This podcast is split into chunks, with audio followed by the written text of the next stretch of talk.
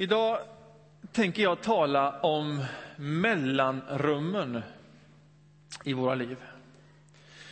Alltså den tiden som ibland kan upplevas som en ren transportsträcka. Inte innehållslös, men ändå som en transportsträcka. Någonting att eh, ta sig igenom. Du är på väg till någonting som du ser fram emot, som du är inställd på, längtar efter. Du har någon form av målbild. Och sträckan mellan nu och det, eller då, det kan upplevas som ett mellanrum. Och jag tror det finns många sådana olika mellanrum under en människas liv.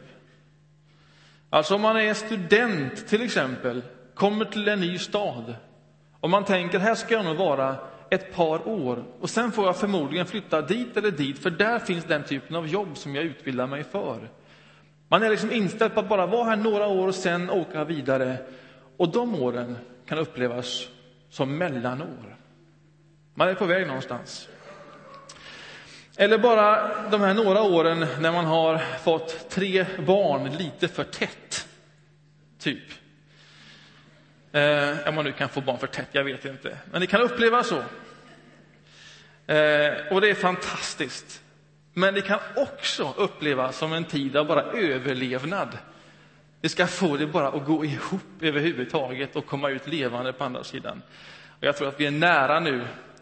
Eh, men det kan också vara en sån period att man bara känner, låt oss bara ta oss igenom. Eller du har fått ett nytt jobb och så är du fortfarande kvar på det gamla jobbet och du har lite för lång uppsägningstid. Alltså det är en sån mellantid, ett mellanrum. Vad gör man där? Liksom? Och vem blir man där, i det mellanrummet? Eller det kan vara mer mentalt. Alltså, jag vet fortfarande inte riktigt vad det ska bli av mitt liv. Och jag befinner mig i någon sorts mellanrum innan jag känner att jag åtminstone vet vad jag ska bli. Och sen, sen, jag menar, sen blir allting enklare.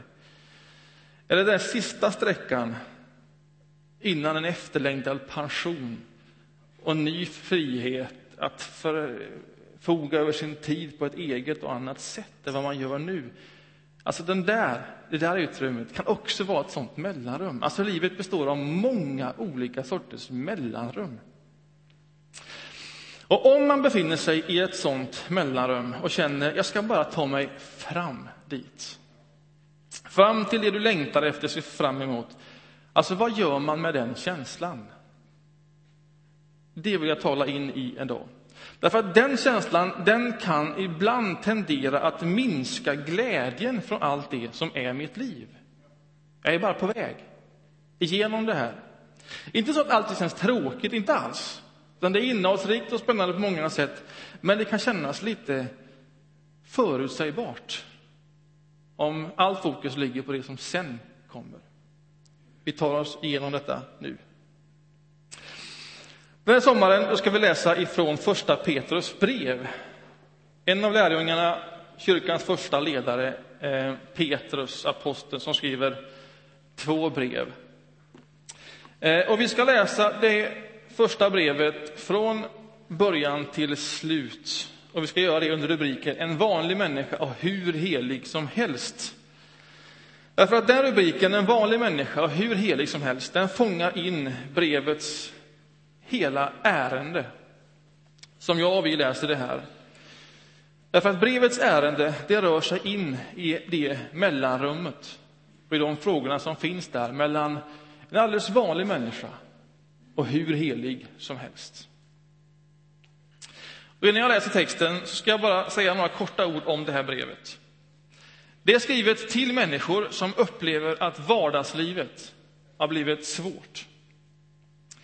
Man är socialt utsatt just på grund av att man är en kristen människa. Inte så att staten förföljer, att det är svårt i det landet eller området att tro. Utan det sker mer på ett mellanmänskligt plan. Det kan man liksom dra ut av det här brevet när man läser det, och lite kringkunskap. Så att grannar liksom socialt utesluter för att man är kristen nu.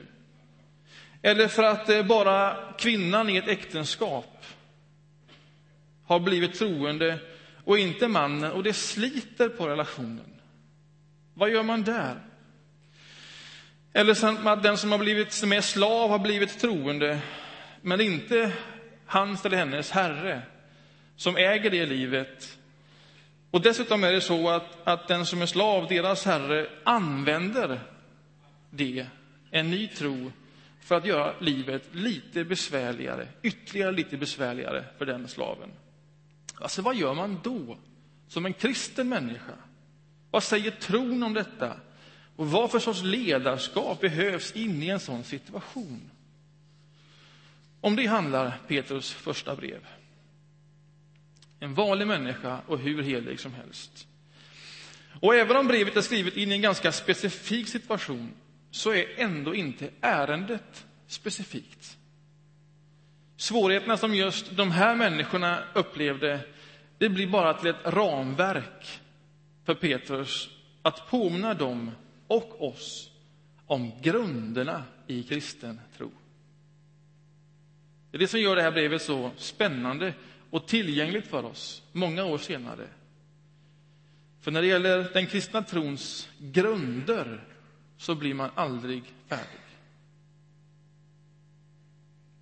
Det första stycket vi ska läsa det är en introduktion och det liksom sätter scenen. Det är ett ganska långt stycke. Jag ska kommentera det, inte hela, men valda delar. Första Petrus brev, ni finner det på sidan 874. Från början av de tolv första verserna. Från Petrus, Jesu Kristi apostel, till de utvalda som lever skingrade som främlingar i Pontus, Galatien, Kappadokien, Asien och Bytinien, utvalda enligt Guds, vår Faders plan, helgade av Anden och bestämda till lydnad och rening med Jesu Kristi blod. Nåd och frid åt er i rikaste mått. Välsignad är vår Herre, Jesu Kristi Gud och Fader. I sin stora barmhärtighet har han fött oss på nytt till ett levande hopp genom Jesu Kristi uppståndelse från de döda. Till ett arv som inte kan förstöras, fläckas eller vissna och som väntar på er i himlen. Ty Guds makt beskyddar er genom tron fram till den frälsning som finns beredd att uppenbaras i den sista tiden. Därför kan ni jubla, även om ni just nu, en kort tid, skulle få utstå prövningar av olika slag. För att det som är äkta i er tro, och detta är långt dyrbarare än det förgängliga guldet som dock måste prövas i eld, ska ge pris, härlighet och ära när Jesus Kristus uppenbaras. Ni har inte sett honom, men älskar honom ändå. Ni ser honom ännu inte, men tror på honom och kan jubla i outsäglig himmelsk glädje då ni nu står nära målet för er tro, era själars räddning. Det var denna räddning som profeterna sökte och forskade efter när de profeterade om den nåd som ni skulle få. De ville utröna vilken och vad slags tid som Kristi ande i dem syftade på när den förutsade de lidanden Messias måste utstå och den härlighet som skulle följa. Det uppenbarades för dem att, de inte, att det inte var sig själva utan er som de tjänade med sitt budskap. Detta har nu kungjorts för er av dem som i helig ande, sänd från himlen, kom till er med evangeliet. Detta som änglarna längtar efter att få blicka in i. Amen. Det är en lång text. Låt mig få dra ut några saker på det tema som jag redan har anslagit. Petrus han börjar hela sitt brev och sitt resonemang så här. Vi är födda till ett levande hopp. Det är någonting vi har varit med om, en händelse som har skapat någonting i oss. Ett levande hopp, någonting dynamiskt som arbetar i vårt inre. Och Jesu uppståndelse från de döda, det är det yttre stora tecknet som bekräftar det som har skett här inne, den inre födelsen, ett nytt liv. Och sen säger han, och Guds makt, den beskyddar oss genom tron fram till den frälsning som finns beredd för oss att uppenbaras, alltså som vi ännu inte har sett, men som finns där beredd.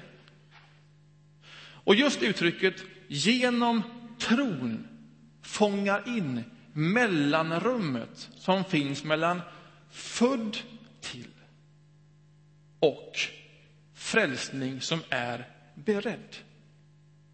Däremellan beskyddar Gud oss. Hur då? Genom tron. I tron lever man i ett mellanrum som kristen människa. Den frälsning som är beredd, bara det ordet innehåller allt det Gud vill ge en människa, allt som är gott. Helande från all slags sjukdom, befrielse från utsatthet och död. Ett, ett tillstånd av harmoni, yttre och inre. Det väntar. Och Petrus han skriver in i en frustration. Hur lever man som kristen människa i detta mellanrum? När man dessutom upplever att tron skapar problem, besvär och frustration. Ja, vad svarar man på det? Ja, men det enklaste svaret det hade ju varit att säga nonchalera det.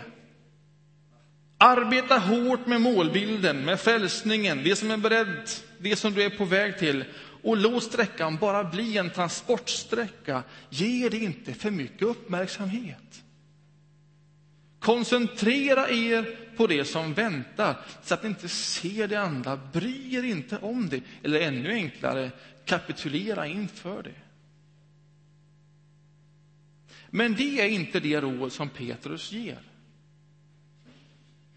Han säger ju så här. Eftersom ni är födda in i ett levande hopp och eftersom det finns en räddning beredd att synliggöras så gör det att ni kan jubla också nu genom tron. Även om ni får utstå prövningar av olika slag. Alltså vad jag hör Petrus säga till de här, hans anslag på en gång till dem som hör till den kristna trons grund, det är låt framtiden få spilla över in i ditt mellanrum. Och du har goda skäl att låta det få spilla över. Därför att det hopp du är född in i, det nya liv du har fötts in i, det bärs av tecknet att Jesus Kristus uppstod. Alltså ur lidande och död kommer något nytt och oväntat. Detta är den kristna trons fundament, grund. Och du blir aldrig klar med den kristna trons grunder. Så förvandla inte mellanrummen till transportsträckor. Därför det som sker där i är kanske viktigare än vi först tror. Och framför allt viktigare än hur det känns. Att hantera mellanrummet som en transportsträcka det var ju heller inget verkligt alternativ för de som Petrus skrev till. Men deras frustration kom ju inte bara av att det var socialt svårt och ansträngande utan också av deras vilja att faktiskt finnas där i mellanrummet med ett vittnesbörd om ett nytt liv.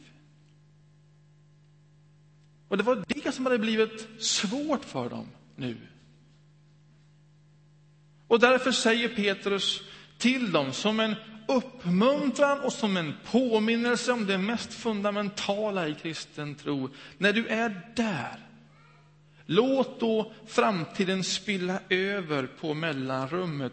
Då kan du också vara där. I olika slags prövningar, i glädje.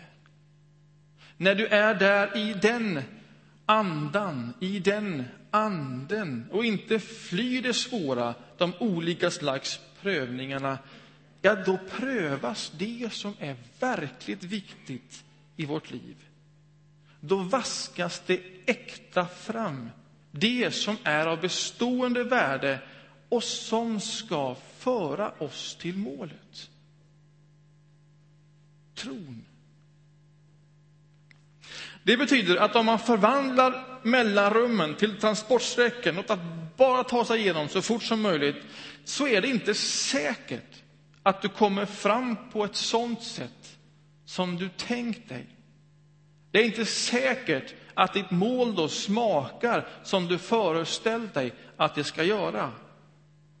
Därför att hur man lever i sitt mellanrum bidrar i hög utsträckning till vad målet blir. Därför att så länge du lever så är du under formation. Så länge du lever så är du i vardande. Du är inte bara någon som ska dit. Du förändras under hela resans gång. Och när du kommer fram så kanske du gör det som någon du inte själv hade kunnat föreställa dig. Så om du är student i en stad för bara några år. Låt mig få uppmuntra dig, låt mig få läsa Petrus in i din situation och säga kliv in i den stad där du är. Ha inte blicken bara på dit och tala igenom, utan var här och nu. Kliv in i den staden, och inte bara i staden och utbildningen, utan kliv in i en kristen församling i en stad. Och gör det helt och fullt. Bli inte åskådare, dyk upp någon gång nu och då, utan stig in, hitta dina gåvor, lev i dem, blomma ut i dem, pröva dem, gör det tillsammans med andra människor som är på samma sorts resa. Och jag tror att i det steget så vaskas någonting fram i ditt liv som är omöjligt att ske så länge man står på avstånd och betraktar och tänker att bara ta mig dit så. Du är under formation hela tiden. Ta vara på det. Och Detsamma gäller alla oss småbarnsföräldrar. Eller den som är på väg till nytt jobb, eller den som inte vet vad man ska bli riktigt, eller den som längtar efter någon ny frihet. Ta vara på tiden som nu är. Låt de människor som vi möter dagligen, som kan vara vår familj, de små barnen, en hustru, en man, som kan vara människor på en arbetsplats, i ett grannskap, ta vara på tiden och tänka att det är vad du har, där är du just nu. Det där är ditt mellanrum. Och vi skyndar oss inte förbi det, utan vi lever där helt och fullt. De människorna i min närhet, det blir de där jag bär vittnesbördet om ett nytt liv. Också när känslan är frustrerad eller i olika slags prövningar. För så är det att vara en alldeles vanlig människa. Vi lever i olika slags prövningar. Och Det här handlar inte bara om mental träning. Även om tanken är viktig, det måste man säga. Därför att det man aldrig har tänkt kommer man förmodligen aldrig att göra. Men det du har tänkt, där finns det potential för olika steg. Så att öva tanken är viktigt. Därför är det viktigt att läsa och påminna sig om det som är en kristen trons grund och fundament. Men tanken är ju inte allt för kristen tro. I detta mellanrummet mellan du är född på nytt och någonting är beredd så lever vi framför allt genom tron. Och genom tron är någonting mer än tanken. Det är tanken, men det är också någonting mer. Vi är födda till ett nytt liv, ett levande hopp. Också själva tron är vittnesbörd om detta Guds ingripande, denna nya födelse. Och detta hopp det har vi fått, så uttrycker Petrus det, genom dem som i helig ande kom till oss med detta vittnesbörd. Det var hans sista mening. Och det är därför Petrus kan säga till dem och till oss att vi är nära målet för vår tro. Våra själars frälsning. Därför att det har inte med tid att göra. Så att det skulle behöva ske imorgon för att det skulle vara nära. Att målet är nära, det har med den helige Ande att göra. Som har öppnat våra sinnen, fött oss till ett levande hopp och som gör det möjligt för oss att faktiskt låta framtiden spilla över och in i ett mellanrum och i olika slags prövningar som hör till en vanlig människas liv. Så säger Petrus det här märkliga. Det här är någonting som änglar längtar att få blicka in i. Vad är det han säger där? Ja, han säger det här är ett mysterium. Detta är ett mysterium, men som är tillgängligt för alldeles vanliga människor. Och bara för dem. Och därför är uppmaningen till oss alla, gör våra mellanrum till en tid där vi i helig ande kommer med evangelium till de människor vi har omkring oss. Ja, men då blir det inte bara en transportsträcka, någonting förutsägbart. Utan vi lever just där och just då. Och hur vi lever just där och just då påverkar alltid framtiden. Hur det blir när man kommer fram. Så låt framtiden få spilla över och in i ditt mellanrum, hur de nu ser ut. Jag menar, i ett stort perspektiv, i ett kristet perspektiv, så är hela livet ett sorts mellanrum. Och att leva i ett mellanrum är inte dåligt. Inte konstigt. Det är att vara människa. Så in i ditt mellanrum, så stort eller mer specifikt där du har din fråga, låt dig uppfyllas av helig ande. Det är vad det betyder att framtiden spiller över. Låt dig där uppfyllas av ande. Be helig ande, kom. Gör det varje dag. Detta hör till den kristna trons grund och fundament och möjlighet för varje människa. Be, kom helig Ande. Låt framtiden spilla över. Tänk tanken. Be bönen.